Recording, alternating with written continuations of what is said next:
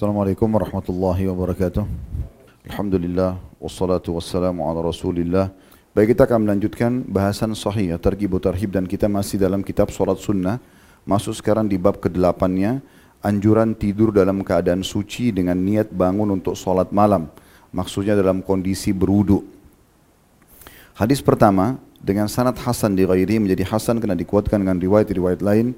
Urutan 597 dari awal belajar berbunyi dari Ibnu Umar radhiyallahu anhu dia berkata Rasulullah sallallahu alaihi wasallam bersabda man bata tahiran bata fi syi'arihi malak fala yastaykidu illa qala al malak Allahumma ighfir li 'abdika fulan fa innahu bata tahira hadis ini hadis sahih disahihkan oleh oleh Ibnu Hibban dalam sahihnya.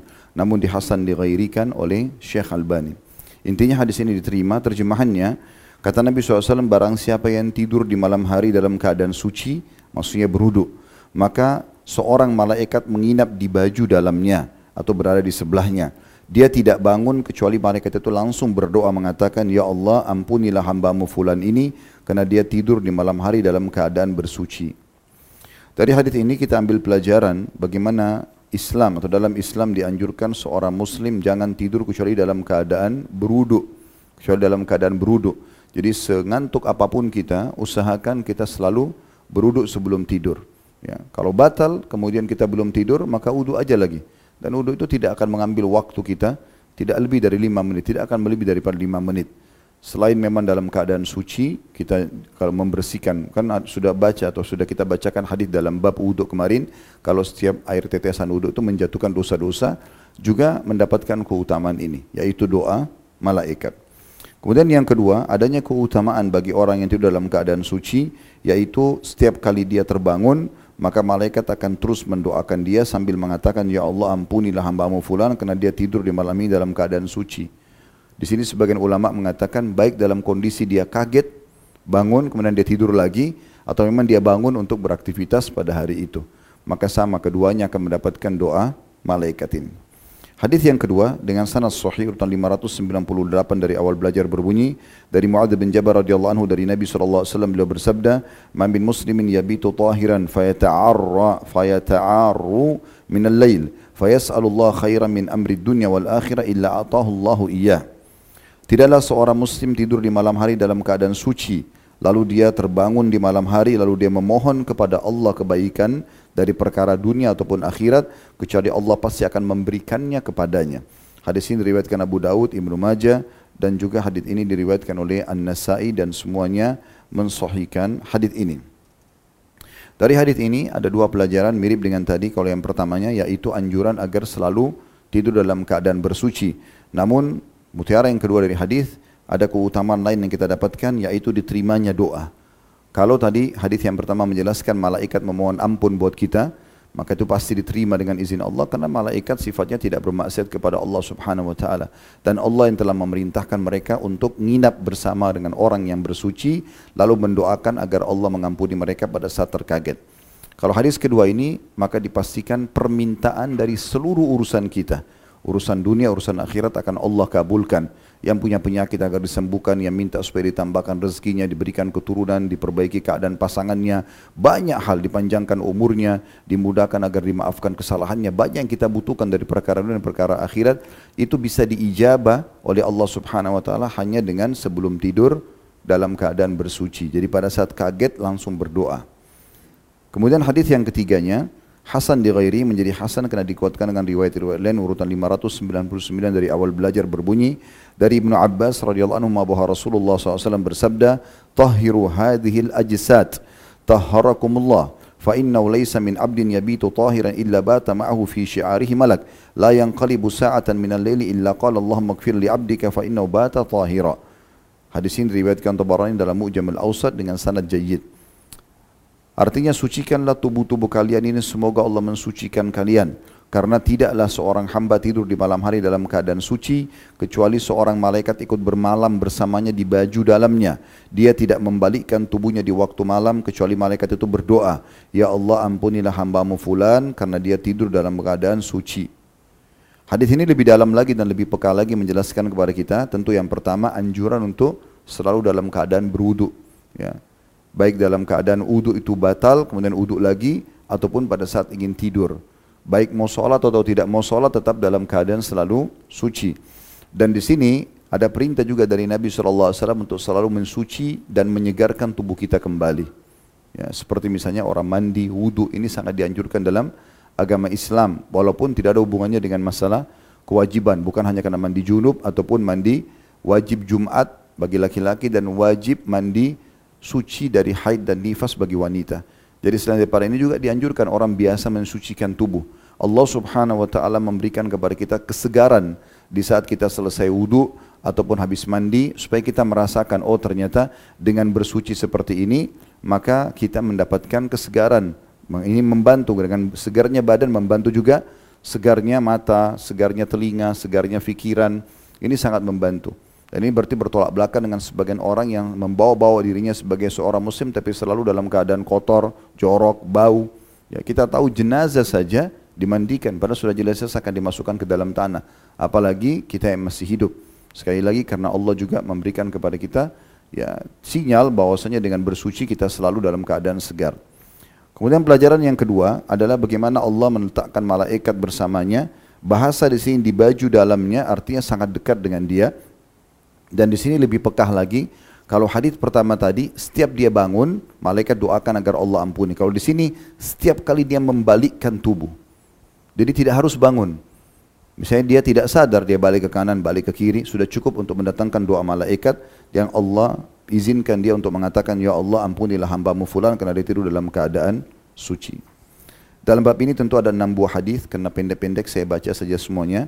Hadis keempat Hasan di ghairi menjadi Hasan karena dikuatkan dengan riwayat-riwayat lain dan urutan 600 dari awal belajar berbunyi dari Aisyah radhiyallahu anha bahwa Rasulullah sallallahu alaihi wasallam bersabda ma min bri'in takunu lahu salatun bilail fayaglibu 'alaiha naum illa kataballahu lahu ajra salati wa kana naumu 'alaihi sadaqah Tidaklah seseorang memiliki solat yang biasa dia dirikan pada malam hari, lalu dia tertidur darinya dan tidak mendirikannya, melainkan Allah akan menulis untuknya pahala solatnya dan tidurnya itu adalah sedekah baginya.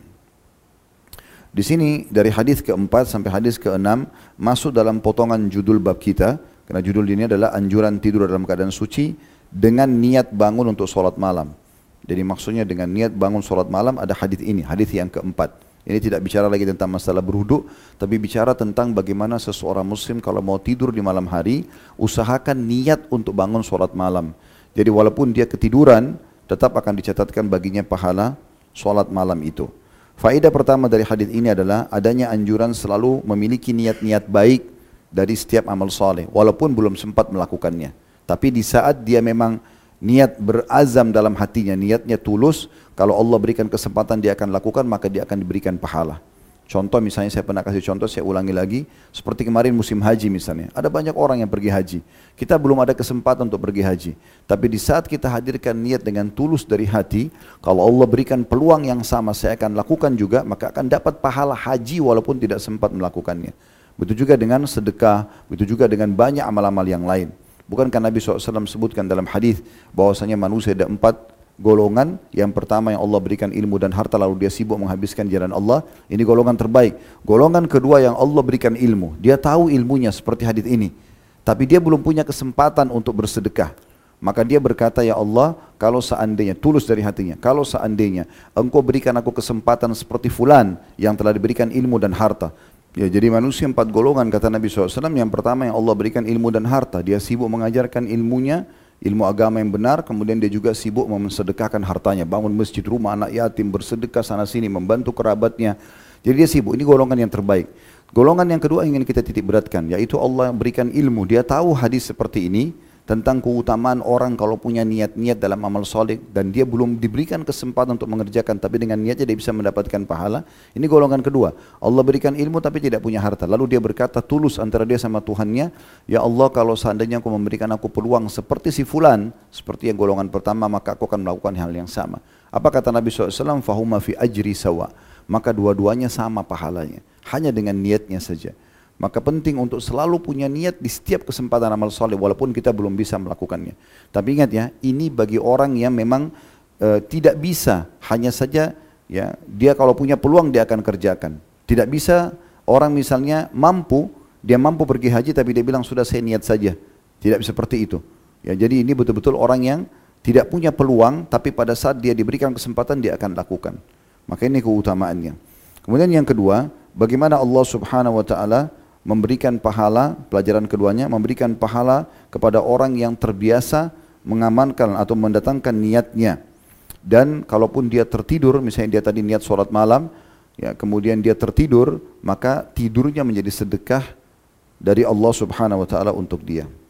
Hadis yang kelima dengan sanad sahih urutan 601 dari awal belajar dari Abu Darda radhiyallahu dengan darinya dia menyampaikan dari Nabi sallallahu alaihi wasallam man ata firashahu wa huwa yanwi an yaquma yusalli min al-lail faghalabathu ainuhu hatta asbah kutiba lahu ma nawa wa kana naumu sadaqatun alai sadaqatan alaihi min rabbih Barang siapa yang mendatangi tempat tidurnya sementara dia berniat bangun untuk sholat malam lalu dia tertidur sampai pagi maka ditulis untuknya apa yang dia niatkan dan tidurnya adalah sedekah untuknya dari Robnya. Hadis ini diriwayatkan Nasai Ibnu Majah dengan sanad yang jad dan Ibnu Khuzaimah menyebutkan dalam sahihnya. Hadis ini semakna dengan tadi, maksudnya harus ada dihadirkan niat atau selalu ada penghadiran niat dari setiap kesempatan amal soleh dan siapa yang sudah niat untuk mengerjakan sholat malam tapi dia tertidur maka didapat dia dapat pahala sholat malam namun tidurnya dihitung sedekah artinya tidak ada masalah buat dia dengan tidur tersebut. Allah yang mudahkan dia tertidur. Sebagaimana ini mirip juga dengan hadis tentang orang yang makan pada saat dia puasa dan dia lupa. Kata Nabi SAW, siapa yang makan sementara dia puasa dan dia lupa, maka dia lanjutkan puasanya karena itu adalah rezeki dari Allah untuk dia. Hadis yang terakhir dalam bab ini nomor 6 dengan sanad sahih urutan 602 dari awal belajar berbunyi dari Abi Dzar dan Abu Darda dari Abi Dzar atau Abu Darda radhiyallahu anhuma Syu'bah perawi ini sempat ragu kata beliau di sini. Dia berkata bahwasanya Rasulullah SAW bersabda, "Ma min abdin yuhaddithu nafsahu bi qiyami sa'ati min al-laili fayanamu anha illa kana nawmuhu sadaqatan tasaddaqallahu biha alaihi wa kutiba lahu ajru ma nawa." Tidaklah seorang hamba berniat untuk bangun sholat malam lalu dia tertidur darinya. Kecuali tidurnya itu adalah sedekah yang diberikan Allah kepadanya dan ditulis untuknya pahala apa yang dia telah niatkan. Hadis diriwayatkan Ibnu Hibban dalam sahihnya secara marfu dan juga Ibnu Khuzaimah menyebutkan dalam sahihnya secara mauquf atau hanya sampai kepada sahabat saja. Makna hadis ini sama dengan tadi, artinya dianjurkan selalu niat untuk mengerjakan sholat malam pada saat mau tidur. Kalaupun dia kebablasan tidur, maka dia akan dapatkan pahala sholat malamnya dan tidurnya dihitung sedekah. InsyaAllah depannya kita akan bahas bab ke-9 anjuran membaca doa-doa ketika beranjak tidur dan keterangan tentang orang yang tidur namun tidak berzikir kepada Allah Ta'ala. Semoga bermanfaat. Subhanakallah bihamdika. Asyadu an la ilaha illa anta astagfiruka wa atubu ilaik. Assalamualaikum warahmatullahi wabarakatuh.